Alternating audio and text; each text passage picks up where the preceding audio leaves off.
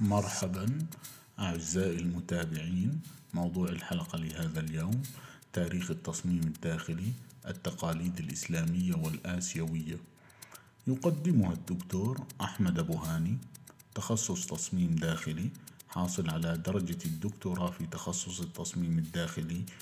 من أكاديمية ستروغانوف الحكومية في موسكو عام 1996 كما أنه عضو في المنظمات الدولية في مجال التصميم الداخلي وفي لجان التحكيم لتخصص التصميم في العديد من المؤسسات التعليمية. نحن برعاية طهبوب تجربة منزلية مطلقة. الفصل الرابع التقاليد الإسلامية والآسيوية. يمكن النظر إلى التطورات الغربية في التصميم على أنها سلسلة مترابطة تنتقل من الحضارات الأولى إلى العصر الحالي. في المقابل تبدأ التطورات غير الغربية المتنوعة في مواقع جغرافية منفصلة وتتقدم عبر قرون عديدة دون ارتباط بالأحداث الغربية. يمكن تتبع التواريخ المنفصلة في أفريقيا وآسيا وأمريكا ما قبل كولومبوس وفي مجتمعات السكان الأصليين في مواقع أخرى مثل أستراليا نيوزيلندا. وجزر المحيط الهادي والقطب الشمالي تم التطرق إلى بعض جوانب هذه التواريخ بشكل طفيف في الفصل الأول لكن التاريخ التصميم الأكثر تعقيدا لبعض الحضارات غير الغربية يتطلب مزيدا من المناقشة وتتمتع كل من الحضارات الأسيوية في الهند والصين وكوريا واليابان بتاريخ غني في تطوير. التصميم يمتد لآلاف السنين ويعد التصميم الإسلامي امرا مختلفا إلى حد ما لأنه يتم تحديده من خلال الاهتمامات الدينية والتأثير الثقافي الواسع بدلا من الجغرافي كما أن تاريخها قصير نسبيا حيث لم يبدأ إلا بعد وفاة النبي محمد صلى الله عليه وسلم حوالي عام 632 ميلادي ويمكن دراسته في مناطق مثل إسبانيا البرتغال في الغرب وفي الهند والعديد من المواقع الأخرى في شمال أفريقيا وآسيا والشرق الأدنى وتركيا. وإن دراسة تاريخ التصميم غير الغربي معقدة بسبب ندرة الأمثلة التي يرجع تاريخها إلى بدايات مبكرة ونقص معلومات في أشكال أخرى من أعمال فنية مواد وصفية مكتوبة إلى آخره بحيث تكون المواد المرئية محدودة ولم يكن معروفا في الغرب سوى القليل عن الحضارات حضارات الشرق. على سبيل المثال حتى أحداث مثل رحلات ماركو بولو في القرن الثالث عشر وتطور طرق تجارة طريق الحرير والفتحات التي تم الحصول عليها عندما أصبحت السفن الشراعية قادرة على الاتصال من خلال الرحلات الطويلة وجلبت هذه الاتصالات بعض المعرفة بالحسابات والمواد الشفوية الأشياء الصغيرة المنسوجات التي تم نقلها إلى أوروبا وأمريكا لكن المعرفة بالمباني ظلت محدودة حتى وقت قريب نسبيا. إضافة إلى الصعوبات التاريخية باستثناء بعض الهياكل الأثرية تم تنفيذ الكثير من المباني غير الغربية من الخشب وهي مادة ليس لها صفات دائمة وقد نجا القليل من التصميمات الداخلية الكاملة. ومع ذلك فإن حقيقة أنه معظم تقاليد التصميم غير الغربية كانت متحفظة للغاية في القرون الأخيرة قبل فتح التواصل مع الغرب. تشير إلى أن مقاومة مماثلة للتغيير قد امتدت إلى العصور القديمة ولهذا السبب يبدو من المعقول افتراض أن الأمثلة التقليدية الباقية تمثل عملا سابقا ببعض الدقة واستقراء بعض التلميحات لتاريخ التصميم الداخلي غير الغربي. لذلك يخضع تاريخ التصميم غير الغربي لمثل هذه القيود على الأدلة والأمثلة لكنه لا يزال يقدم مواد ذات أهمية كبيرة. نيجي لتاريخ تأثير التأثير الإسلامي. قام محمد صلى الله عليه وسلم برحلته التاريخية من مكة المكرمة إلى المدينة المنورة عام 622 ميلادي وهو التاريخ الذي يبدأ فيه التقويم الإسلامي الهجري وحدث انتشار ملحوظ للديانة الإسلامية و على مدى عدة مئات من السنين التالية وسيطر على معظم الشرق الأوسط والأدنى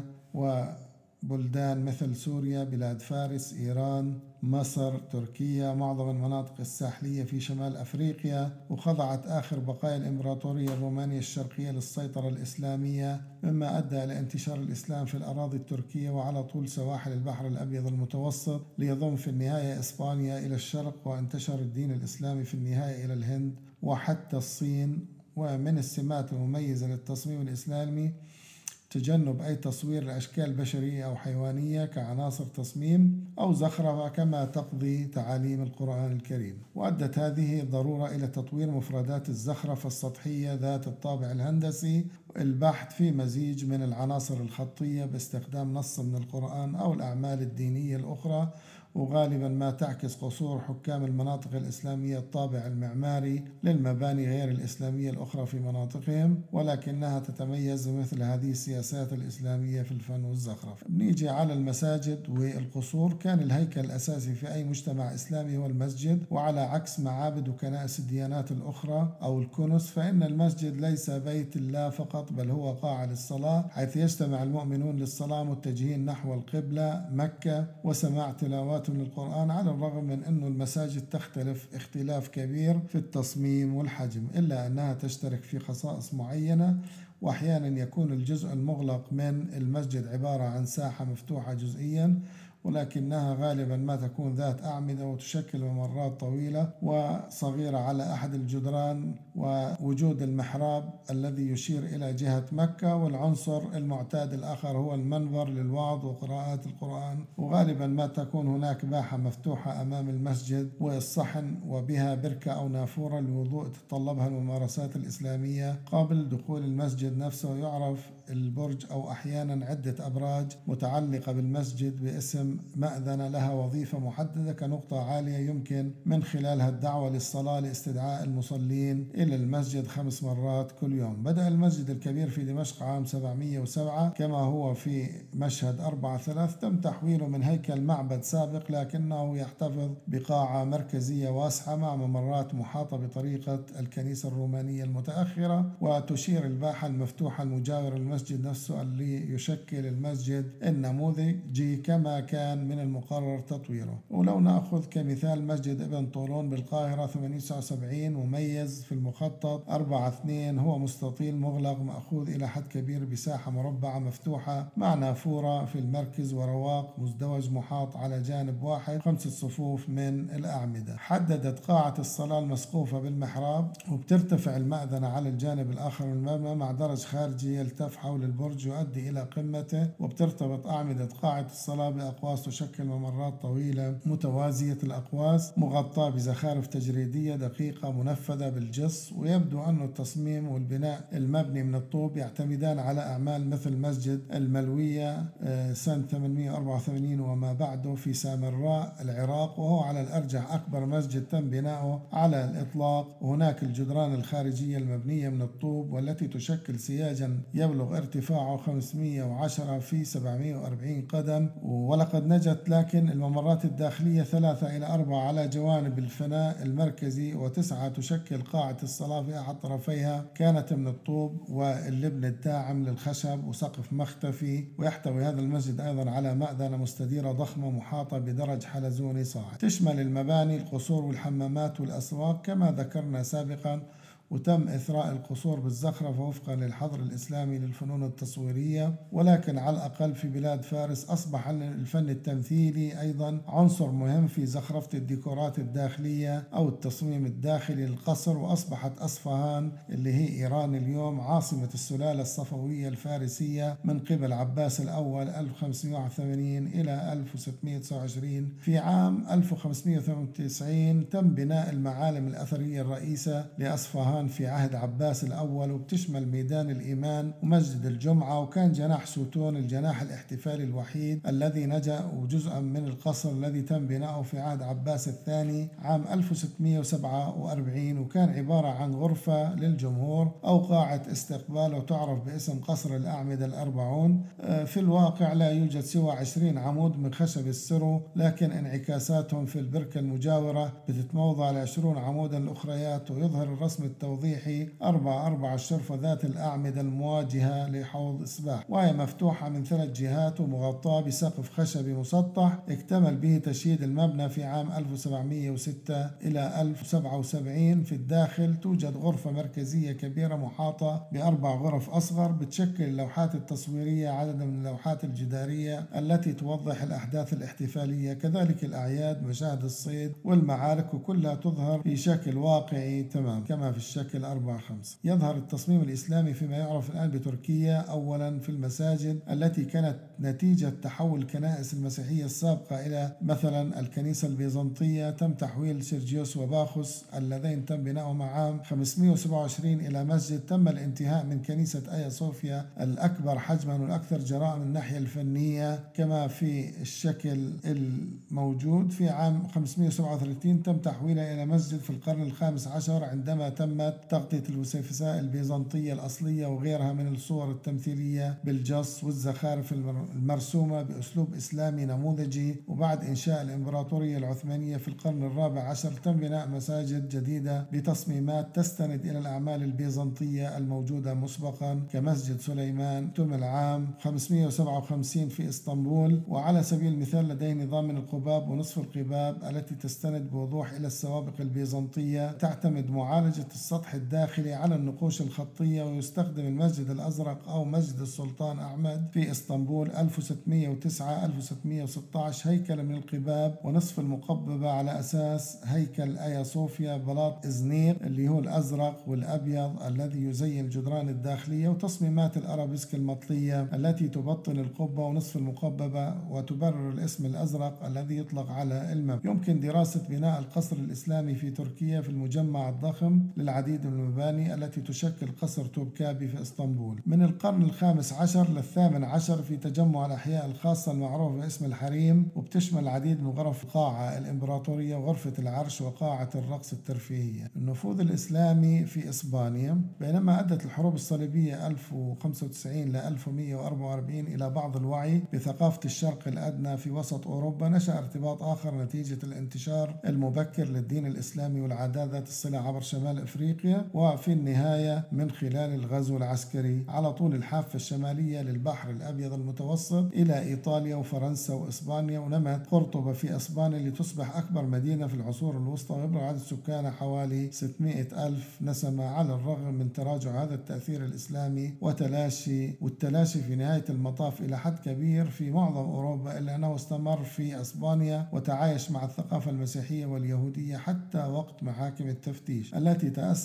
عام 1233 والتي أدت في النهاية إلى إبادة كل المسلمين من إسبانيا واليهود في عام 1492 في الهندسة المعمارية والتصميم يظهر العمل الأسباني في العصور الوسطى تعايشا بين تقاليد الاتجاه الروماني المنبثق من جنوب فرنسا والعمل الإسلامي أو المغاربي القادم من الشرق عبر شمال أفريقيا. مثال مسجد آيا صوفيا ومساجد إسبانيا. في إسطنبول كمساحة مفتوحة شاسحة بدون توجه قوي إلى مذبح خدم بشكل جيد كمسجد على الرغم من أن المساحة الضخمة المفتوحة لم تكن سمة معتادة للمسجد بدلا من ذلك تم تطوير مساحة كبيرة في الغالب عن طريق ترتيب صفوف من الأعمدة موضوعة بالقرب من بعضها البعض لدعم هيكل السقف وتم ترتيب القاعات ذات الأعمدة حول أو بالقرب من مساحات مفتوحة حيث توجد نافورة مخصص للتطهير والوضوء. هذا هو نوع المساجد اللي تم بناء في أسبانيا في قرب. ابتداء من عام 785 مع الإضافات من 848 إلى 987 توجد هنا قاعة صلاة كبيرة تستخدم صفوفا طويلة من الأعمدة إجمالي 860 لدعم أقواس ذات شكل حذوة حصان مميز وقوس نصف دائري بامتداد إلى أسفل على جوانبه. وهي تدعم الطبقة العلوية من الأقواس التي تدعم بدورها السقف الخشبي المسطح كما هو في صورة 4 8 والأقواس مخططة بفقرات بديلة من الطوب الأحمر والحجر الرمادي والأبيض مما يجعل أشكالها تبدو مذهلة للغاية في التكرار. والمتراجع اللامتناهي على ما يبدو وبتغطي القباب المبنية من شبكة من الأقواس المتقاطعة ساحة المكسورة منطقة خاصة للصلاة والمحراب أقواس متداخلة لتوليد تأثير زخرفي غني في التصميم الإسلامي وغالبا ما تبنى الأقواس في شكل يستمر في منحنى القوس أسفل وخارج نصف الدائرة ويستمر حتى 60 أو 65%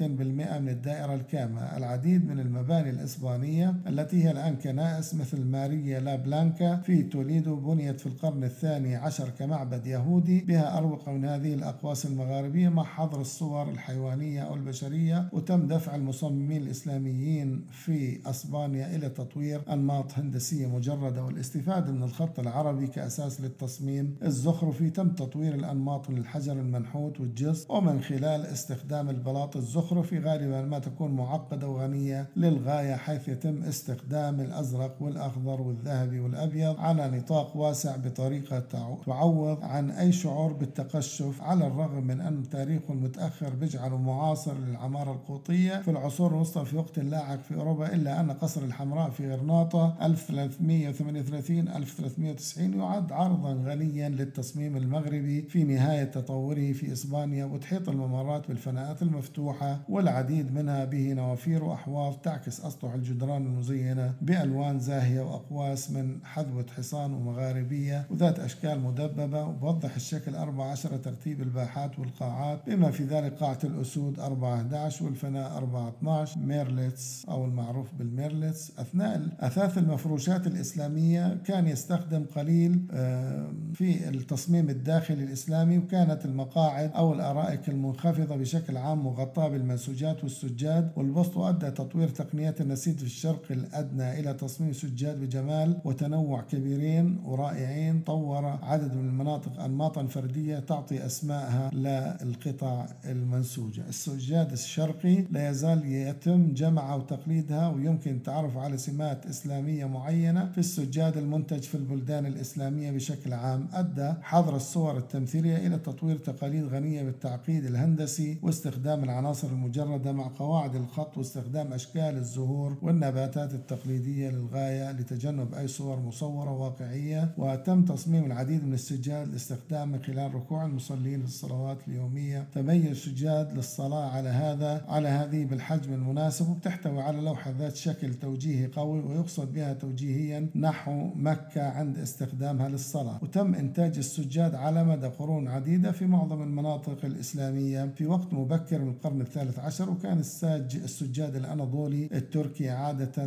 مع أنماط هندسية وكان يصنع بأعداد كبيرة وأصبحت بلاد فارس منطقة منتجة للسجاد مهيمنة بحلول القرن السادس عشر وحيث قدمت صورا تقليدية للحيوانات والنباتات جنبا إلى جنب من الأنماط الأنماط الهندسية. وفي هذا السجاد تتكون الحدود العريضة من أشكال متكررة بينما تستخدم المنطقة المركزية غالبا عنصر أو أكثر من عناصر تنظم درجات اللون الأحمر والأزرق وبشكل متزايد إلى اللون الأصفر والأخضر. وأهم أنواع السجاد هو التركي والسجاد الإيراني بشكل عام له طابع فارسي وربما كان غالبا عمل النساجين الفرس وتتبع صناعة البساط في القوقاز والممارسات الفارسية ولكنها تميل إلى إدخال زخارف أكثر جراءة وأكبر وعادة ما يهيمن التلوين الأحمر القوي على السجاد التركي من تركستان ومناطق آسيا الوسطى ذات الصلة وكانت المنطقة المسمى بخارى أو أوزبكستان حاليا والمدن الرئيسة التي تحمل هذا الاسم على طريق القوافل التي مكنت الاتصالات بين الشرق الأدنى والصين والهند وبلاد فارس وروسيا وكانت أفغانستان مصدر السجاد النموذجي على طراز البخاري حيث كانت لها خلفيات حمراء مع نمط منتظم من عناصر معينة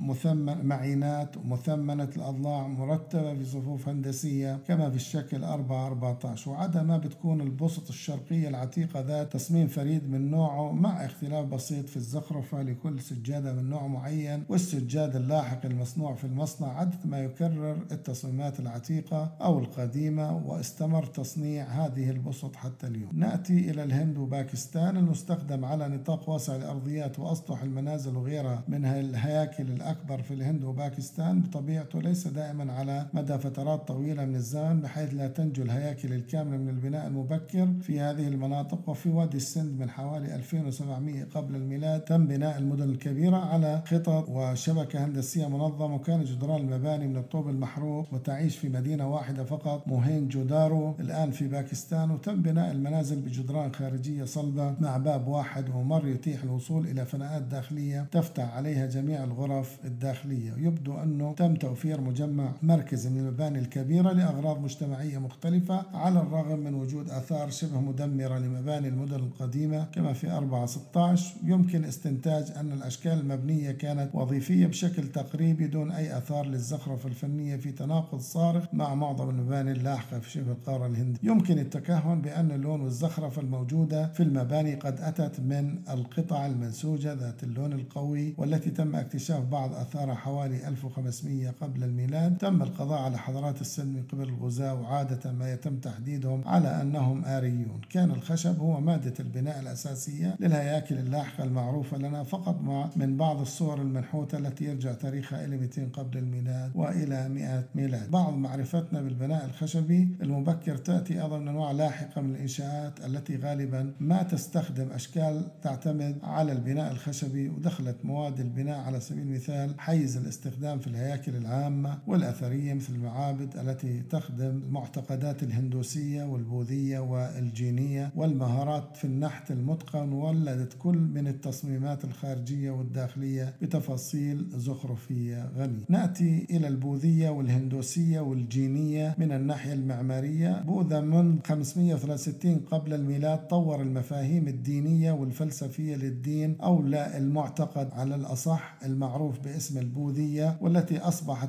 المعتقد الرسمي للهند في القرن الثالث قبل الميلاد. وصخرة لإنشاء هندسة معمارية داخلية خالية من أي واجهات خارجية مقاولة. هذه الهياكل المبكرة القرن الثالث إلى القرن الأول قبل الميلاد على مساحة مركزية مقببة عالية تحيط بها ممرات جانبية. يمكن تقدير شكل الهياكل الخشبية السابقة ذات التصميم المماثل من الأنماط الداخلية للأوضاع المقوسة التي تشكل الأسقف المقببة في هذه الهياكل والمقطوعة بالصخور في المقدمة. وتوجد نافذة كبيرة فوق باب المدخل تعطي الضوء الوحيد للداخل وتعتبر قاعة شايتايا هول في صورة 417 كرالي مثال نموذجي للقاعة المركزية المرتفعة المحاطة بممرات محددة بأعمدة ولكل منها تاج ذو نقوش تصويرية. في نهاية المساحة في داخل القاعة كما هو الحال في المساحات المقطوعة الصخرية الأخرى يوجد عنصر حجري صلب مقبب يعرف باسم ستوبا والذي قد يحتوي على أشياء دينية من معتقداتهم وربما بقايا بوذا أو المعلمين البوذيين. تم اشتقاق شكل ستوبا من هياكل المقابر السابقة وتم بناء ستوباس أيضا كمباني قائمة بذاتها وأحيانا على نطاق هائل أو كبير. كما تم بناء هياكل الكهوف في وقت لاحق لعبادة الهندوس والجاين في إيلورا في غرب الهند ومن القرن الرابع للقرن الثاني عشر تم قطع العديد من الكهوف والمعابد والأديرة البوذية الهندوسية والجينية إلى منحدر تل لمسافة تزيد عن 100 في إليفانتا وهي جزيرة بالقرب من بومباي معبد في منتصف القرن السادس للإله الهندوسي شيفا صورة 4 18 هو أيضا مساحة كهف بسقف مسطح وأعمدة في أربعة صفوف تصطف أكثر من 40 تماثيل بشرية منحوتة كبيرة الحجم على جدران الكهف. نوع آخر من المساحات الداخلية الباقية من الصخور هو الدير البوذي أو فيهارا يوجد في أجانتا غرب الهند عدد من الكهوف المنحوتة في الصخور لأغراض مختلفة بما ذلك المصليات وقاعات الصلاة والتدريس ويحتوي الدير هنا صورة 24 القرن الخامس الميلادي على العديد من الغرف الصغيرة غرف الرهبان وتحيط بقاعة مركزية كبيرة ذات أعمدة بتفاصيل تصويرية منحوتة بإتقان ويوجد في هرا من القرن السابع الميلادي في صورة 419 في إيلورا غرف رهبان في ثلاث طبقات حول قاعة مركزية وعادة ما يتم نحت أعمدة الدعم في القاعات بأشكال زخرفية عالية في الصورة النشط. المباني الدينية الهندوسية أنتجت براهاميزم وهي فرع من فروع الهندوسية في القرون اللاحقة. معابد كانت عبارة عن مباني ذات مخطط متماثل مع تمثال للإله في أحد طرفي القاعة الداخلية المكسو فوق الضريح الداخلي ارتفاع كبير انعكس على الكتلة الخارجية للمبنى وكانت القوالب الأفقية متباعدة عن كثب من الخارج طويلة والمستدقة لأعلى لتشكل مجموعات مليئة بمنحوتات الآلهة والشخصيات الأخرى في كل مجموعة ونشاط يمكن تخيل. في مادوراي جنوب الهند تم تطوير مدينة المعابد بين القرنين الثاني عشر والسادس عشر والتي تضمنت القاعات والمسابح والعديد من المعابد التي تظهر كأبراج مجمعة معا تحتوي قاعة قاعة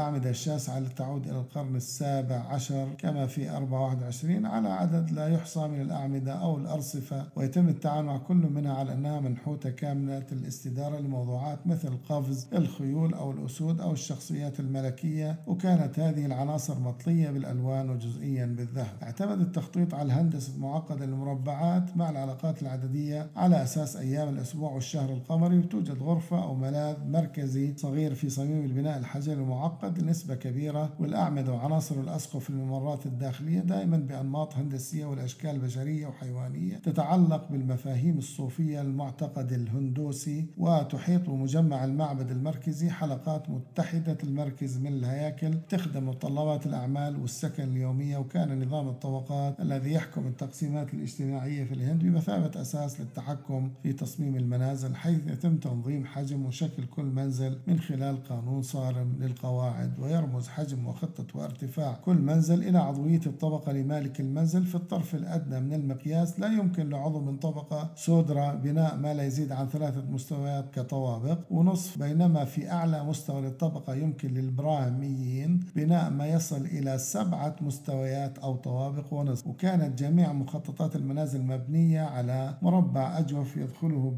يدخل من خلال باب واحد يؤدي إلى ساحة مركزية محاطة بغرف تفتح على صلاة العرض ووفرت فناء داخلي مركزي عالي والضيق ظلا ترحيبيا من الحرارة الشديدة للمناخ الهندي. ويمكن أيضا بناء المنازل على جانب واحد أو جانبين أو ثلاثة جوانب من مخطط مربع وتشكيل كتلة واحدة أو شكل ال أو يو بالإضافة إلى المربع الكامل المعتاد كان لابد من تحديد موقع الأبواب الأمامية والخلفية وفقا لرمز معقد أدى جنبا إلى جنب مع جميع مواقع الخطط المحتملة إلى كتالوج يضم ال 14 ألف اختلاف ولكن منهما اسمها الخاص بيتبع بناء المنازل الهندية الحديثة عموما نمط ذا صلة حيث يتواجه جميع الغرف على عدة مستويات فناء مركزي سيتبع القصر الهندوسي مفهوما مشابها على نطاق أوسع نأتي إلى العمارة الجايينية بتمثل طائفة جايين القديمة للفكر المعتقد الجاييني مدينة المعبد في جبل أبو توجد هنا ثلاث مجموعات معابد من الرخام الأبيض يشتمل كل منها على ملاذ مركزي محاط بسور محاط بالعديد من الغرف الصغيرة التي تشبه الزنزانات أو الزنازين وتفتح على شرفة مغطاة يوجد أمام الهيكل الهياكل المقدسة رواق يسمى الجناح الراقص الجزء الداخلي لجناح معبد تيجابالا الذي تم بناؤه في القرن العاشر الميلادي عبارة عن مربع بسيط يبدو معقد من خلال العديد من الأعمدة بأسطحها المنحوتة الغنية والتي تستخدم عناصر شبيهة بالعوارض الخشبية المنحوتة لدعم الأسقف المسطحة ومنطقة القبة المركزية من البناء المحاط. صور صور فتيات يرقصن تغطي العديد من الأعمدة. الأنماط الشمالية والجنوبية للمعبد منذ القرن السابع الميلادي فصاعدا تم تطوير نوعين من أشكال معابد ناجرا في شمال الهند درافيدا في الجنوب. يتكون معبد درافيدا من سيلة صغيرة مغلقة مخصصة للآلهة عادة شيفا الأروقة والأجنحة المحيطة في إيلورا تم بناء هذا المعبد كما في المشهد 4 23 بالنحت من الصخور الصلبة وبتؤدي قاعة واسعة ذات أعمدة إلى المربع المظلم الصغير للخلية ولا ترتفع الهياكل إلى ارتفاع كبير لأنها مقطوعة من منحدر تل طبيعي. يميل أسلوب الناجارا إلى إنتاج هياكل معبد أطول غالبا ما تتخذ الشكل الخارجي الأوراج كانت الهياكل المبكرة عبارة عن حاويات بسيطة بتشبه الخيام الخيزران تم بناءها لحماية أصنام الطين أو الخشب ثم تم أخذ شكل هياكل الخيزران هذه لبناء الحجر في عام 950 ميلادي. تم بناء المعابد حيث كانت العناصر المركزية عبارة عن غرفتين متجاورتين كلاهما مرتفع مع ارتفاع الغرفة الداخلية الثانية أعلى بكثير من الفضاء الخارجي كما في 24 والرسوم الرسومات الأرضية أو المخططات ذات تعقيد كبير تعتمد على هندسة المربعات المطورة داخل الدوائر وبتشكل الهياكل الناتجة عادة كتلة طويلة من الأضلاع المتوازية إلى حد ما. يوجد في وبانسوار عدد من المعابد التي يعود تاريخها إلى القرن الثامن حتى القرن الثالث عشر. بعضها يصل ارتفاعه إلى 150 قدما. يعتبر معبد إبراهام شفيرا نموذجي حيث توجد قاعة تجميع أمام الحرم الذي يعلوه الأبراج. أبراج أصغر تقف في نفس مجمع المعبد. وقاعة التجميع قاعة التجميع عبارة عن هيكل منخفض مع مظهر جانبي متدرج بينما يحتوي على مبنى الحرم العالي على نتوءات خارجية عمودية مغطاة بتفاصيل منحوتة معقدة داخليا ويحتوي البرج المقدس على مساحة صغيرة فقط بدون زخرفة ولكن القاعة الخارجية بها تفاصيل منحوتة تشبه تلك الموجودة في الخارج. نأتي إلى التأثير الإسلامي في الهند. التأثير الإسلامي بحلول عام 1206 تم تأسيس الحكم الإسلامي في الهند في دلهي. كان من المقرر أن يحل محل التصميم البوذي والبراهماني وقدوم الإسلام الذي جلب المساجد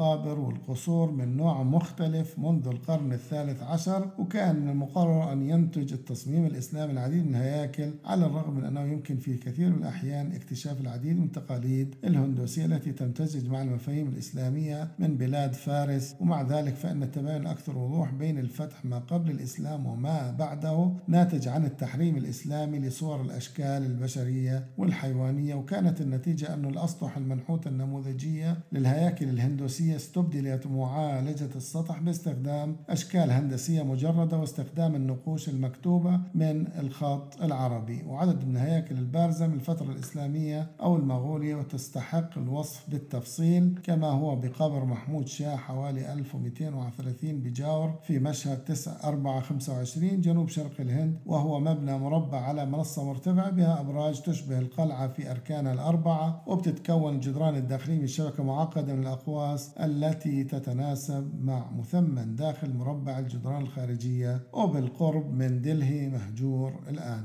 يسيطر على المقدمة الموضعة قوس مركزي كبير وبرجين في الزاوية يمكن رؤية قبة المسجد بداخله وقبة المصليات على كل جانب خلف جدار الشاشة الأمامي وفوقه تدعى تدعم قبة ترتفع ما يقرب من 200 قدم عن الأرض. بنأتي على نظرة بيرينيه لتاج محل. تاج محل من 1632 إلى 1656 في آجرا هو أحد أكثر المباني شهرة في العالم وكلها شاه وكلف شاه جيهان بذلك ليكون ضريح لزوجته المفضلة ممتاز محل. قام الطبيب الفرنسي فرانسوا بيرنيه الذي كان يسافر في إمبراطورية المغول من عام 1656 إلى عام 1668 بإحدى الروايات الأولى لتاج محل واصفا ويسجل بيرنيه انطباعاته الأولى عن تاج محل. المبنى الذي تحدث عنه هو ليس بدون شيء ممتع في هيكل غريب الأطوار وفي رأيي أنه يستحق مكانا جيدا في كتب العمارة ويتكون بالكامل تقريبا من أقواس على أقواس وصالات عرض ولا أروقة والأروقة وتم التخلص منها وابتكار مئات الطرق المختلفة. مع ذلك يتميز الصرح بمظهره الرائع ويتم تصوره وتنفيذه بشكل فعال. لا شيء يسيء للعين. على العكس من ذلك أنه يسر الناظرين بكل جزء ولا تتعب من البحث من خلال رؤيته. يصف بيرنيه الأجنحة والمعاض والتراسات والحدائق قبل التعليق على الجزء الداخلي للمبنى الذي يحتوي على القبر. المبنى عبارة عن قبة واسعة من الرخام الأبيض تقريبا بنفس ارتفاع فال دي جراس في باريس ومحاطة به بواسط عدد من الأبراج. من الرخام الأبيض أيضا ينزل إحداهما أسفل الآخر في تتابع منتظم والنسيج كله مدعوم بأربعة أقواس كبيرة ثلاثة منها مفتوحة تماما والأخرى مغلقة بجدار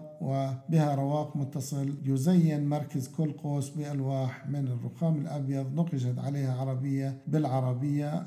من خلال الرخام الأسود مما يعطي تأثير جيد والجزء الداخلي أو المقعر من القبة وعموما الجدار كله من الأعلى لأسفل مغطى بالرخام الأبيض أي جزء يمكن العثور على أنه لم يتم بمهارة أو ذلك لا يتمتع بجمالها الغريب. يتم رؤيتها في كل مكان خامة اليشب والياكين وغيرها من الحجارة المماثلة التي تثري جدران الدوق الأكبر في كنيسة فلورنسا وغير الكثير ذات قيمة كبيرة وندرة ونات في مجموعة متنوعة لا نهاية لها من الأنماط مختلطة ومغطاة بألواح من الرخام التي تواجه جسم الجدار حتى في المربعات المكونة من الرخام الأبيض والأسود والرصيف مرصع بهذه الحجارة النفيسة بأجل بأجمل طريقة حساسة يمكن تخيلها. تحت القبة توجد غرفة صغيرة محاطة بمقبرة تاج محل يفتح مع احتفال كبير مرة في السنة ومرة واحدة فقط. وبما أنه لا يتم قبول أي مسيحي في الداخل لئلا يتم تدنيس قدسيته فإن لم فأنا لم أرى الداخل لكنني أفهم أنه لا يمكن تصور أي شيء أكثر. ثراء وروعة وينهي برينير وصفه لهذا البناء المذهل بالإعلان. وأعتقد بالتأكيد أن هذا النصب يستحق أكثر بكثير من أن يعد من بين عجائب الدنيا من أهرامات مصر وتلك الجماهير التي لم تتشكل والتي عندما رأيتها مرتين لم ترضي. وهيك بنتهي ما يصفه بيرني الطبيب اللي كان بهذيك الفترة. بالقرب من آجرا بدأ الإمبراطور أكبر الكبير تأسيس 1000 سنة 1542 ل 1605 مدينة فاتح بور سيكري في عام 1571 لتكون بمثابة عاصمة احتفالية وتتكون من مجمع من التراسات والساحات والمباني ومهجورة بعد فترة وجيزة من الانتهاء. لا تزال المباني في حالة جيدة بشكل ملحوظ. والجامع كما في مشهد 24 داخل المدينة الأكبر مع فناء كبير يؤدي إلى المسجد نفسه يتم الدخول إلى المسجد من خلال رواق ينفتح على مساحة داخلية مكونة من ثلاث فراغات ومساحة مركزية تعلوها قبة كبيرة بها قاعة ذات أعمدة على كل جانب تؤدي إلى مصليات جانبية مقببة أصغر والجدران مغطاة بزخارف نباتية معقدة بممر عرضي يربط المساحات ومع ذلك من المحتمل أن يكون تاج محل أشهر المباني الهندية على الإطلاق. من عام 1632 ل 1653 كما هو في المشهد 4 1 و 4 27 وأنه قبر بناه شاه جهان حفيد أكبر لزوجته الذي حكم في 1628 ل 1658 والمخطط عبارة عن مربع متماثل حول محورين مع فتحات مدخل من أربعة جوانب داخلية يحيط نمط معقد المساحات بغرفة المقبرة المركزية التي تعلوها قبة ضخمة منتفخة كالبصلة كلها من الرخام الأبيض وترتفع القبة إلى 200 قدم. مما يخلق صورة ظلية رائعة جعلت هذا أحد أشهر المباني في العالم. ومع ذلك لا يمكن رؤية القبة الخارجية المرئية من الداخل وداخل المساحة الكبيرة القبة مغلقة بسقف ولا تحتوي على مساحة داخلية قابلة للاستخدام. وأربعة مآذن برج تحيط بالهيكل الرئيس من الداخل وتوجد حواجز من الرخام المثقوب مطعمة بالجواهر. ذات زخارف هندسية غنية بالزخرفة كما في مشهد أربعة واحد وقصر لآل كيلا المعروف باسم القلعة الحمراء في دلهي.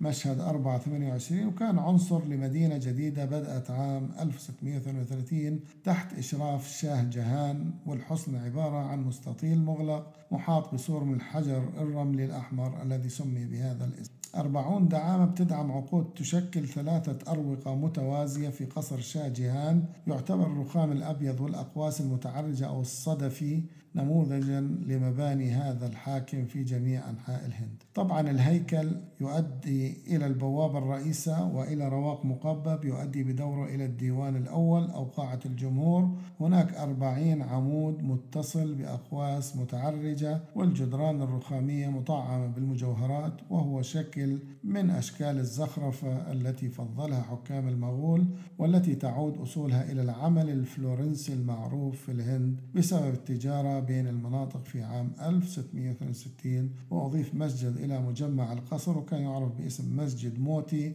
أو مسجد اللؤلؤة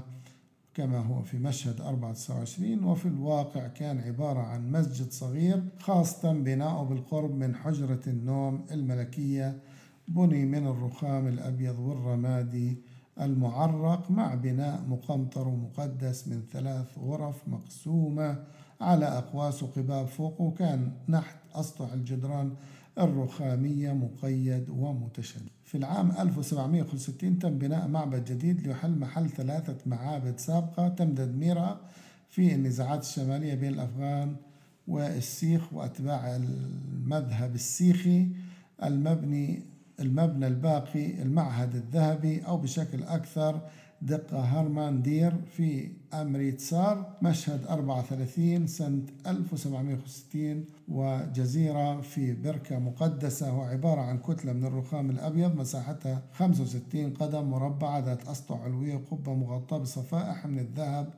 تعطي المبنى اسمه غير الرسمي وتغطي الزخارف ذات الألوان الزاهية والذهبية جدران الغرفة التي تضم الكتاب المقدس للسيخ الذي يقرأ بمصاحبة موسيقية في ساعات معينة اليوم وبتستفيد الأرضيات من الأنماط المتقنة للرخام والجدران مطعمة بالمجوهرات بألوان غنية بتشمل الزخرفة على عناصر تصويرية نباتية وحيوانية وبشرية سمح بها معتقد السيخ باعتبارها مختلفة عن الشريعة الإسلامية. المفروشات الهندية دور رئيس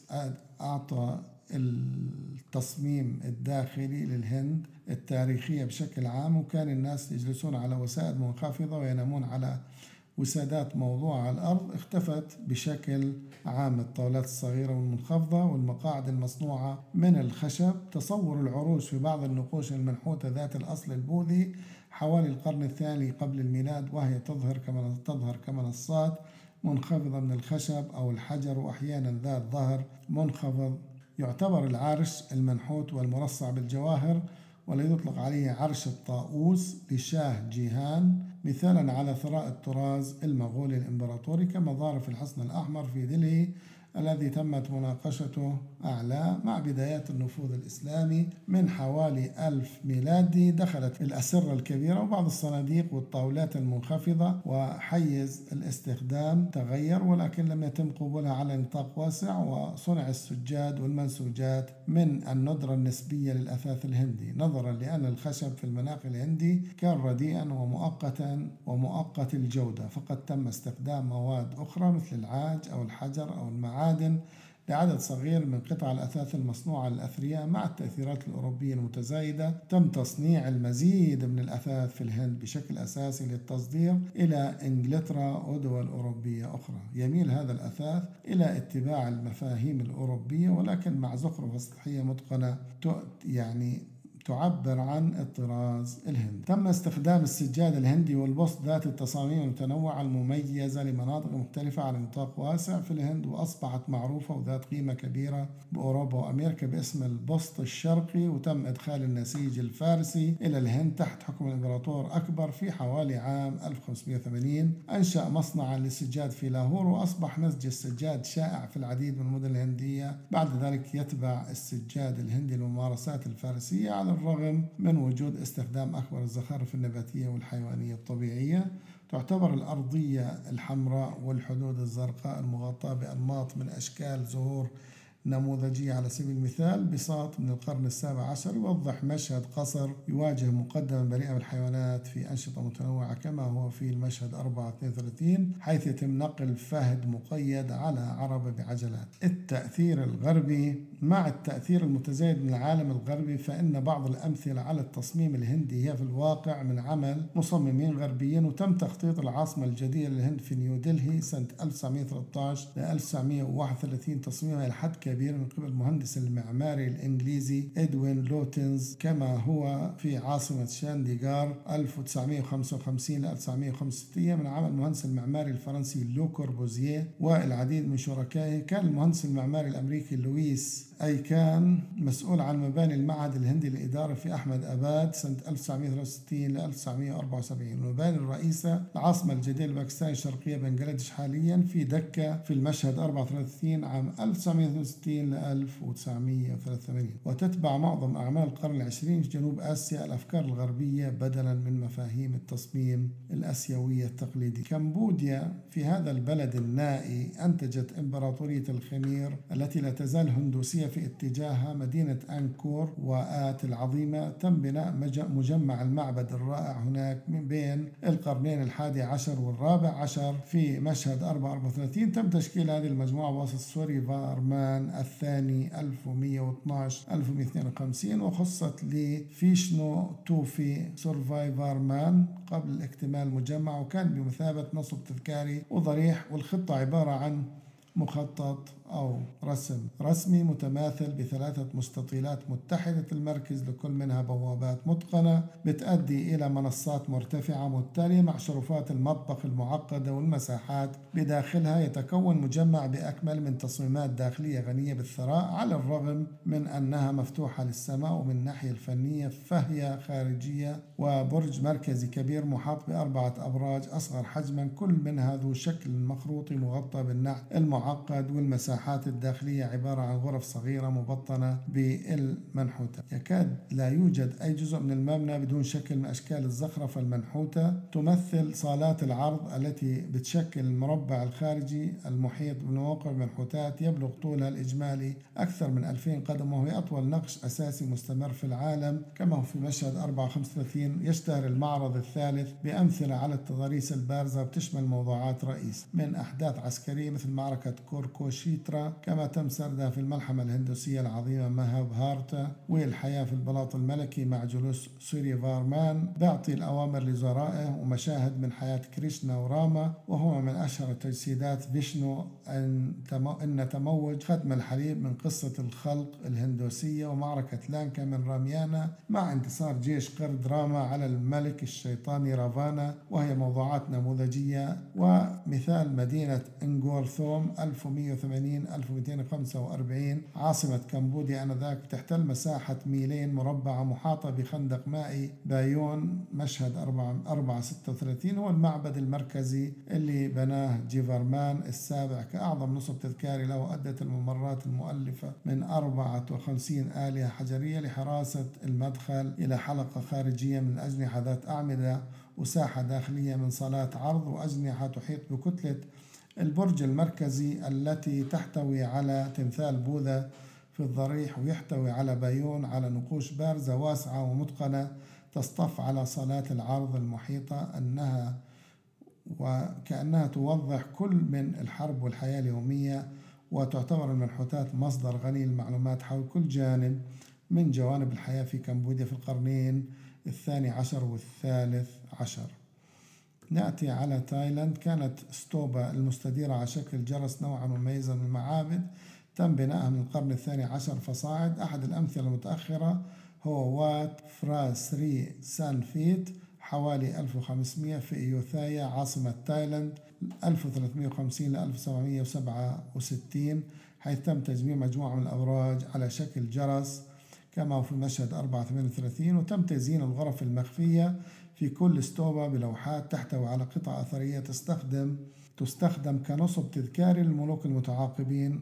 وتأسس وات سوانارام وهو دير ملكي في فترة أيوثايا وكان يعرف في الأصل باسم وات تونغ. تم تفكيكه وإعادة بنائه في عهد الملك راما الأول عندما تم تغيير اسمه إلى وات سوانارام وتم تجديده في عهد راما الثالث وبعد ذلك بكثير في عهد راما الخامس. خضعت لتجديدات كبيرة مع بناء الدير حول قاعة الضريح الرئيسة في الداخل. وتوجد جداريات بها صور لآلهة مختلفة وبوذا على الرغم من أنها تعود إلى أواخر التاريخ القرن التاسع عشر إلا أنها أمثلة لأفضل لوحات جدارية في بانكوك كما هو في مشهد 34 وهياكل خشبية لاحقة مثل القصر الملكي في بانكوك الذي تم تشييده في عهد راما الخامس من عام 1876 إلى عام 1882 وتشير إلى أن التصميم الذي ربما كان نموذجيا لهياكل القصر السابقة قد اختفى الآن وتظهر التصميمات الداخلية للقصر الحالي مثل غرفة الرسم عام 1920 كما هو في مشهد 44 تأثير كبير من المعرفة بممارسات أوروبا الغربية جنبا إلى جنب مع التقاليد التايلندية السابقة. نأتي على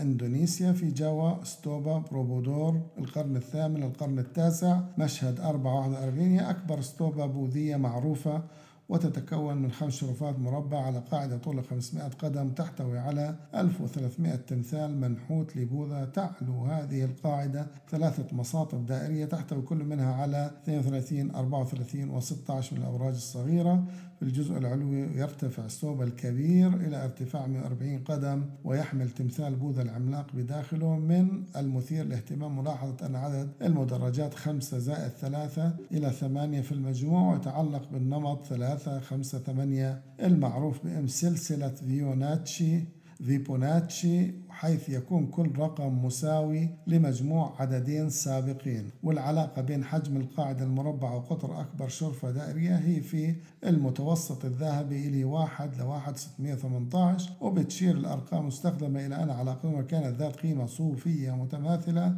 لتلك المذكورة في الفصول السابقة المتعلقة بالممارسات المصرية واليونانية أو بنمط البناء على المتوسط الذهبي أو القطع الذهبي إلى آخره. تم بناء معبد سيفا الخاص بلورو جونجرانج حوالي 900 في مشهد 442 رنبانام على قاعدة مربعة مع أربع سلالم ترتفع إلى ثلاثة أضرحة معابد مغلقة ولكل منها غطاء غني من المنحوتات المعقدة والمجمع بأكمل محاط بساحة محاطة بجدار يبلغ ارتفاعه 360 قدم مربع خارجي بطول 720 قدما يحتوي على 224 معبد أصغر حجم يتم توجيه المجموعة بدقة إلى نقاط البوصلة الأربع وغالبا ما كانت أسطح الأضرحة والمعابد الأندونيسية مغطاة بالجص الأبيض وبتحمل صور مرسومة من الخارج وفي الداخل ولكن للأسف فقدت الآن إلى حد كبير. الصين على الرغم من أن حضارة الصين هي واحدة من أقدم الحضارات في العالم إلا أن تاريخ التصميم لا يمكن أن يعود إلى أقدم بدايات التاريخ الصيني حوالي 5000 قبل الميلاد بينما بقيت العديد من الأشياء القديمة مثل المنحوتات على الحجر وأشياء من البرونز والفخار والقليل من بقايا المباني القديمة. لطالما كان الخشب مادة البناء الأساسية بتعني حياته المحدودة أنه معظم الهياكل الباقية لا تعود إلى ما قبل عهد أسرة هان من 206 قبل الميلاد إلى 220 قبل الميلاد وهو عصر بناء السور العظيم غالبا ما كانت النماذج الفخارية للمنازل من هذا العصر توضع في مقابر وقد نجت لإعطاء فكرة عن البناء المبكر والطريق الآخر الوحيد لمعرفة التصميم المبكر للصين وهو من خلال المحافظة العامة للمجتمع الصيني والتي استمرت حتى الآونة الأخيرة يجعل من الممكن الجدل بأن مباني سلالة مينغ 1368 ل 1644 تختلف قليلا عن الهياكل التي كانت موجودة في تاريخ أقدم بكثير. هندسة المعمارية الصينية تشترك جميع المعابد والقصور والمنازل ويتم استخدام الأسقف المنحدرة المغطاة بالبلاط بشكل عام. كانت المباني في الغالب طابق واحد في الارتفاع كما في مشهد 4 43 تكتشف التصميمات الداخلية للمباني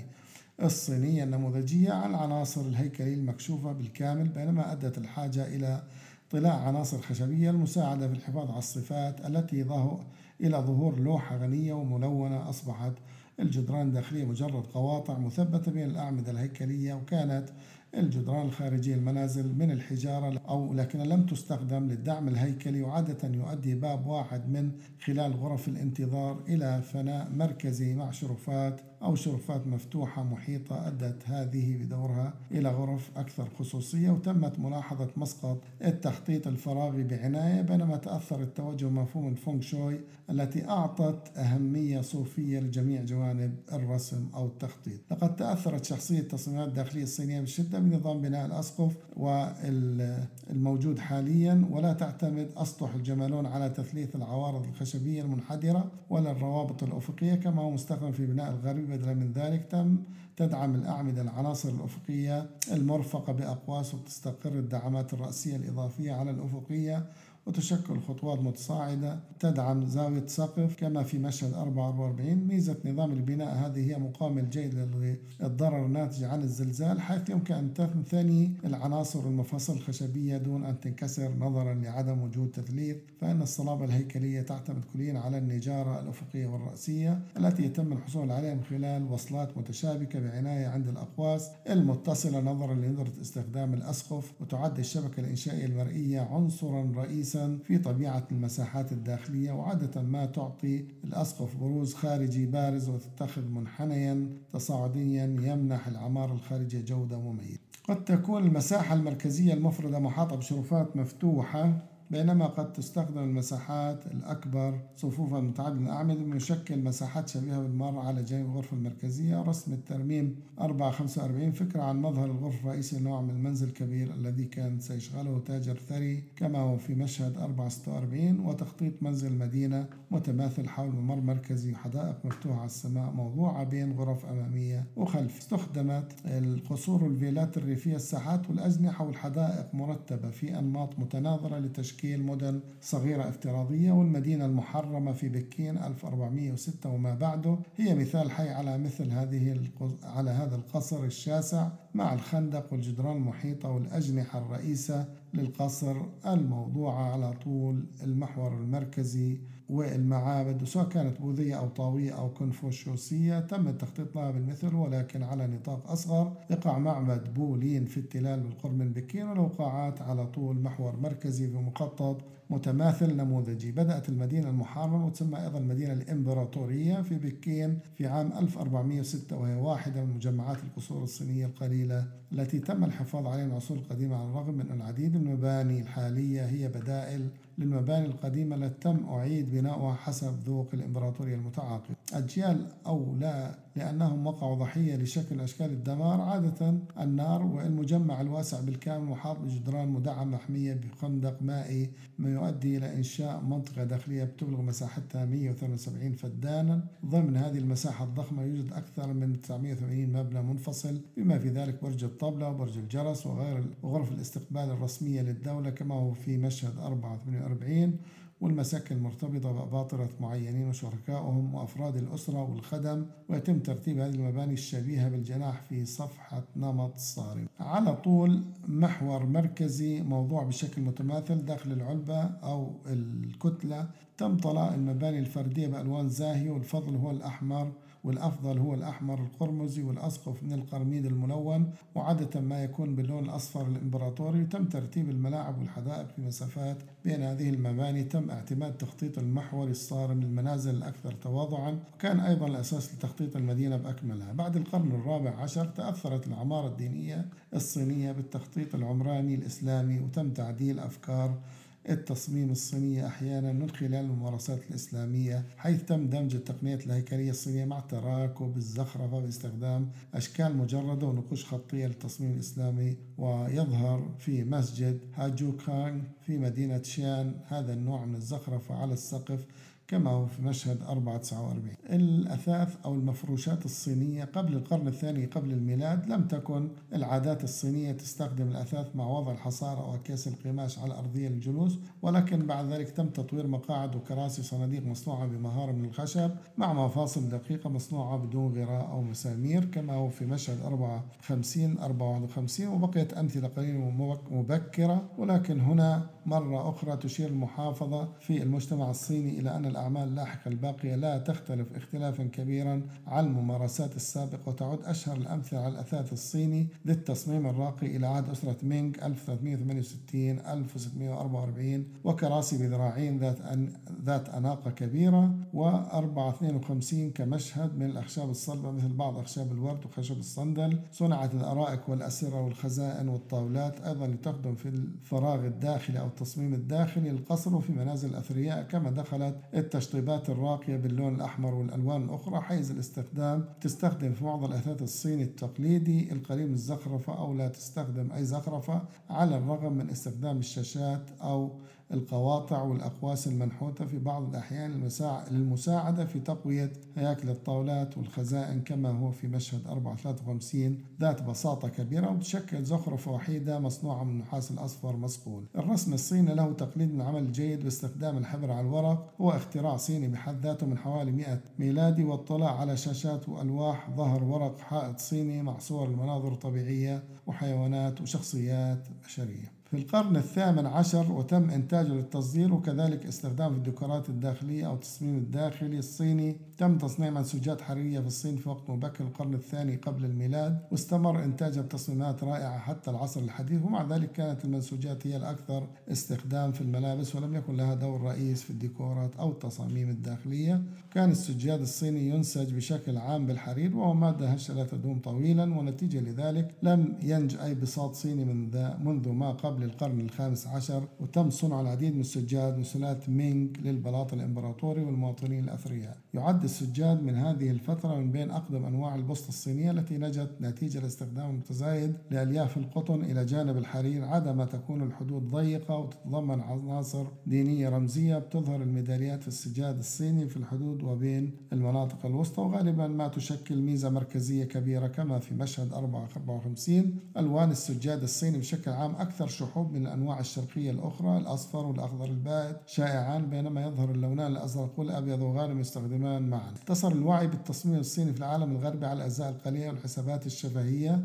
التي حملها ماركو بولو والمستكشفون والرواد الذين يسافرون على طريق الحرير البري منذ القرن الثالث عشر مع تطور تجارة الشاة واتصالاتها البحرية بالشرق الأقصى وأدى التدفق متزايد المعرفة ونقل الأشياء الفعلية إلى جعل الفن والتصميم الصيني شائع في أوروبا وأمريكا منذ القرن الثامن عشر فصاعدا. وساعد تطور التصوير الفوتوغرافي على توافر الصور المرئية في فترة ظل فيها السفر إلى الشرق الأقصى بطيئا وصعب. أصبح التأثير الغربي على التصميم في الصين واضح في القرن التاسع عشر عندما تم تدريب العديد من المهندسين المعماريين الصينيين في الجامعات الغربية وعادوا بعد ذلك إلى الصين بالأفكار الحالية للعمارة الانتقائية للفنون الجميلة ويتبع التصميم الداخلي لمباني انتقائية وممارسات غربية مع بعض الاعتراف بالتقاليد الصينية. في القرن العشرين اعتنق المهندسون المعماريون الصينيون نمط الحداثي الدولي والأمثلة البارزة على ذلك فندق Fragrant Hill Hotel في بكين صمم المهندس المعماري الأمريكي آي إم بي كما هو في مشهد 433 و 455 نأتي إلى كوريا. يقدم تاريخ تصميم الكوري رابط مفيد من الأعمال المبكرة في الصين والأمثلة اللاحقة في اليابان وتم إدخال النظام الهيكلي الخشبي للمبنى الصيني في كوريا منذ عام 57 قبل الميلاد ولكن لم تنج أي هياكل من هذا التاريخ المبكر فمعرفتنا بها تأتي من الصور في اللوحات الجدارية. في المنازل والمقابل فترة شيلا 668 ل 935 ميلادي. عندما خضعت شبه الجزيرة لحكم واحد ولم تترك سوى المباني الحجرية مثل البغودات البوذية بدون مساحة داخلية كبيرة تصف النصوص المكتوبة المنازل ذات البناء الخشبي بتفاصيل مدهشة ومذهبة بشكل مذهل وأسقف مزخرفة بالبلاط في فترة كوريو. 918 ل 1392 وتم إدخال نظام التوصيلات بين الأعمدة الخشبية والعوارض من الصين ولكن تم تطوير تصميم قوس فريد لكوريا يعد معبد كونجو بولكاسكا الذي تم بناؤه لأول مرة في عام 535 قبل الميلاد وعيد بناؤه عام 751 ومن ذلك الحين أعيد بناؤه عدة مرات يعد ذلك مثالا على التأثير المعماري البوذي الذي يمكن تتبعه إلى الصين والأمثلة الأخرى على ذلك معبد ماريانكسون في معبد بوسوكسا في يونغو القرن الثالث عشر والذي يعتقد أنه أقدم بناء خشبي في كوريا ويحتوي على قاعدة داخلية مكونة من ست فتحات بتشكل مساحة واحدة موحدة محاطة بشرفة أو منصة محمية بواسطة سقف متدلي من القرميد نجت القصور المحفوظة جيدا في سيول حيث يرجع تاريخ القاعات والأجنحة إلى ما بين القرنين الخامس عشر والتاسع عشر وتقدم لوجيا من قصر كيونغ بوك مشهد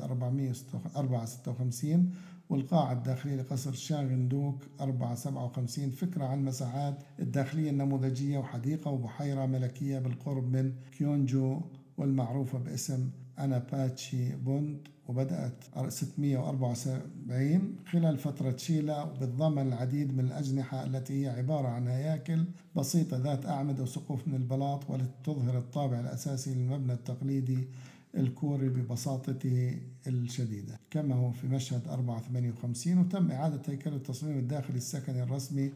باعتباره غرفة الباحث في ناشونال جيوغرافي متحف في سيول كما هو في مشهد 459 تم تطوير الأثاث الكوري بالتوازن الوثيق مع الأثاث الصيني ولكن له خصائص مختلفة. لا تستخدم التصميمات الداخلية الكورية التقليدية الكراسي أو الأسرة المرتفعة أو الطاولات. الجلوس على منصات على الأرض والأرفف وطاولات كتابة والعديد من وحدات تخزين منخفضة. على الرغم من أنه بعض الخزانات ذات ارتفاع كامل يستخدم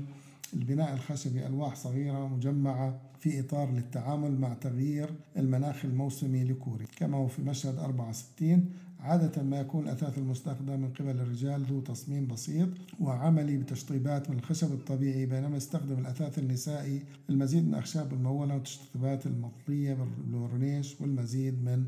التفاصيل الزخرفية وغالبا ما تكون الأجزاء المعدنية والمفصل المفصلات والمقابض والمشابك مزخرفة جزئيا. وأدى الغزو الياباني لكوريا سنة 1592 ل 1000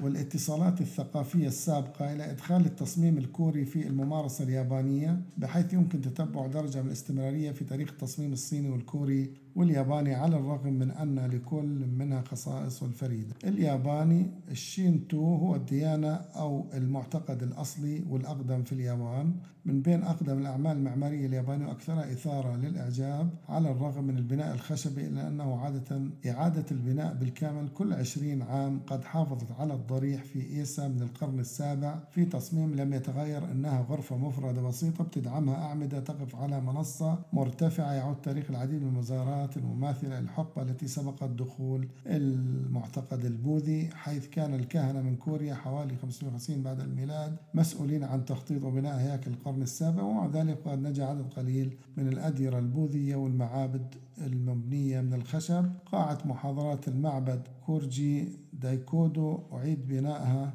عام 990 وبعد ذلك لها سقف داخلي شبه مغلق بسقف شبكي يخفي جزئيا بناء السقف كما هو في مشهد 64 التشابه مع الأمثلة الصينية يتضح هنا ويتكون القصر الإمبراطوري في كيوتو الذي تم بناؤه لأول مرة عام 804 وأعيد بناؤه مؤخرا عام 1854 مساحة أمامية واسعة بتحيط بها صالات عرض مغطاة على الرغم من إعادة بناؤه عدة مرات على مر القرون. فقد تم إعادة إنشاؤه دائما مع التقيد الصارم بالتصميم الأصلي في المركز. وتوجد قاعات كبرى أو شيشي ندن موقع العرش الإمبراطوري والمساحة مفتوحة على الفناء ولكن, ولكن يمكن إغلاقها بجدران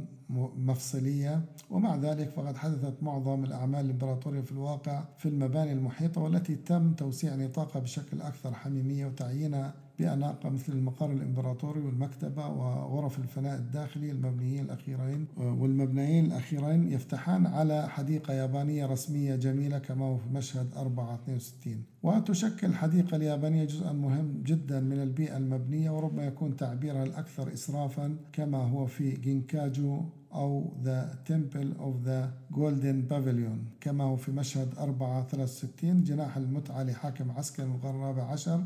أو شوغون هذا الجناح المكون ثلاثة طوابق مغطى بالكامل برقائق ذهبية ويجلس بجوار بحيرة من صنع الإنسان والأفضل تعويضه بانعكاسه الخاص ومحاط أيضا بالعديد من الأفدنة من الحدائق التي تم الاعتناء بها بعناية. أصبحت حصيرة الأرضية المعيارية حوالي ثلاث في ست أقدام عنصر التحكم في المحيط كما مستخدم في قلعة هيان هيميج آه كيوتو الاسم الحالي لها وتم تصميم الداخل وفقا لتصميم حصيرة تاتامي وتحدد عناصر الشاشة أو الحائط المتحرك متحرك من الخشب المنحوت فواصل مساحات في حين أن الجدران مغطاة بلوحات شبه طبيعية لمشاهد خارجية. قلعة نيجو في كيوتو التي تعود القرن السابع عشر عبارة عن سور مصور ومحاور وبتحتوي أيضا على سلسلة من الأجنحة المتصلة وكل منها شرفات أرضية تتصل لتشكل ممر مستمر يمكن استخدام هذا من قبل الخدم حتى لا يمروا عبر المساحات المركزية لكل جناح كما في مشهد 465 في القاعة الكبرى يتم تثبيت اللوحات الجدارية على الورق على الألواح والشاشات وتوجد خلفية من ورق الذهب والأبيض مع صور لأغصان الأشجار والطيور باللون الأخضر والأزرق والبني والأسود والزهور. والطيور الحمراء والبيضاء المرسومة على الورق مثبتة على ألواح مربعة للسقف ذي التجاويف. في كاتسورا على أطراف مدينة كيوتو تم بناء فيلا مستقلة شهيرة عام 1620 ل 1647 كمجموعة من الأجنحة البسيطة وسط حدائق جميلة وتم تشييد الأجنحة من الخشب باستخدام مخطط تستند إلى نموذج حصير التاتامي وتحتوي على غرف يمكن فتحها وفصلها وتنويعها في الشكل عن طريق حركة ألواح الجدران ذات الشاشة المنزلقة وبتتميز شوقي المساحات بالبساطة القصوى بدون أثاث أو أي زخرة باستثناء المربعات الورقية المجردة الملصقة على بعض الشاشات المنزلقة أو الجدران المتحركة. يظهر نمط من الزهور الصغيرة مطبوع بالفضة على ورق جدران بلون الكريم على بعض الأقسام الثابتة وعلى شاشات متحركة بينما تغطي شاشات أخرى برسومات للمناظر الطبيعية وموضوعات طبيعية أخرى بتوفر بعض الخزائن والأرفف المدمجة مساحة تخزين كان يمكن توفير المقاعد من خلال وسادات أرضية متحركة وأسرة بواسطة وسادات فوتون يتم وضعها في أي وقت وفي أي مكان. آه، في أي مكان. طبعا الكبيرة كتكون ما الآلات الموسيقية بتطل شرفات أرضية على الحديقة ويتم توفير منصة خاصة لمشاهدة القمر وتم استخدام الفيلا لفترة وجيزة فقط مرة واحدة بالسنة كمنزل ريفي من ثراء القصر الإمبراطوري. اعتمد تصميم الفيلا منفصلة على بناء المنازل التقليدي في اليابان. والذي استفاد من عديد من المفاهيم الموضحة على ولكن على نطاق أكثر تواضع في مثل هذه الحالات تم دعم الأسقف المائلة أو المبلطة أو ذات الألواح الخشبية في أعمدة موجودة على شبكة بناء على حصائر أرضية التاتامي. كما هو في مشهد 467 بعض الجدران الثابتة والعديد من الشاشات شوغي المنقولة مقسمة إلى مساحة كما هو مطلوب لترتيبات المعيشة وتطل الشرفات على الحدائق أو الساحات ومساحة للطهي على موقد منخفض وطاولات منخفضة للعمل وبتشكل مطبخ كما هو في مشهد 468 يستخدم حمام حوض خشبي غائر. ترتيبات التدفئة كانت محدودة للغاية وتم استخدام موقد يشبه الصندوق في الأرضية لحرق الفحم ويمكن استخدام حصيرة أو بطارية لتغطية الموقد وأقدام وأرجل الجالسين المتجمعين حولها كما هو في مشهد 469 كان الموقد المحمول هيباتشي أو المدعو بهوباتشي حاوية لنيران الفحم التي يمكن وضعها حيثما دعت الحاجة ومن سائل ومن وسائل الراحة الشائعة في المناخ الياباني البارد والرطب إلى حد ما كان المرحاض عبارة عن صندوق خشبي بسيط يحتوي على تراب أو رمل تم وضعه لتوفير الخصوصية وسهولة إزالة تخلص النفايات. مع أغطية الأرضيات المصنوعة من حصير التاتامي وشاشات شوغي المنزلقة ويجسد ساموراي هاوس في هاجي بمحافظة ياماغوتشي بساطة وجمال ومرونة التصميم الداخلي للمنزل الياباني. أثاث المفروشات اليابانية بخلاف بعض العناصر المدمجة لم يكن مهما في التصميم الداخلي الياباني التقليدي حيث تستخدم الحصائر على الأرض للجلوس والنوم وتم استخدام عدد قليل من الصناديق كما في المشهد 74 والأرفف للتخزين وكانت الشاشات المتحركة شائعة سواء لفصل المساحات أو للعمل كمواقع للرسم وكانت في بعض الأحيان ذات جودة فنية عالية كما في مشهد 4 73 وكانت المصابيح والشموع الزيتية هي مصادر الضوء الاصطناعي قبل الكهرباء كفوانيس كما في مشهد 472 والمصابيح الوظيفية والزخرفية الشائعة. خلال القرن العشرين واندمج التصميم الياباني التقليدي مع تأثيرات من الممارسات الغربية الأوروبية والأمريكية جعلت زيادة سهولة السفر والاتصالات ومن الممكن للعديد من المصممين اليابانيين تلقي تعليمهم في الدول الغربية بينما أنتج بعض المهندسين المعماريين الغربيين أعمالا في اليابان. كان فرانك لويد رايت مسؤول عن فندق إمبريال في الفترة ما بين 1916 إلى العشرين. في طوكيو من ذلك الحين هدم وعاش هناك بالفعل عدة سنوات وأنتج لو كوربوزييه عمل في اليابان ومارس تأثيرا هناك من خلال كتاباته. كان المعرفة الغربية المتزايدة حول التصميم الياباني التقليد تأثير أيضا في أوروبا وأمريكا مما أدى إلى تبادل المفاهيم التي تعود بالفائدة على الطرفين وتشترك الهندسة المعمارية والتصميم في اليابان منذ الحرب العالمية الثانية في أفكار الحداثة الغربية على الرغم من ظهور يمكن اعتباره يابانيا بشكل فريد وغالبا ما يتم الآن تعيين مهندسين المعماريين اليابانيين في الغرب لإنتاج أعمال يمكن اعتبارها دولية حقا وشكرا لحسن استماعكم. قدم هذه المادة الدكتور أحمد بوهاني. تابعونا كل سبت الساعة الرابعة بتوقيت القدس على كافة المنصات السمعية. كان معكم محمد الرنتيسي من بودكاست ال Creative Center.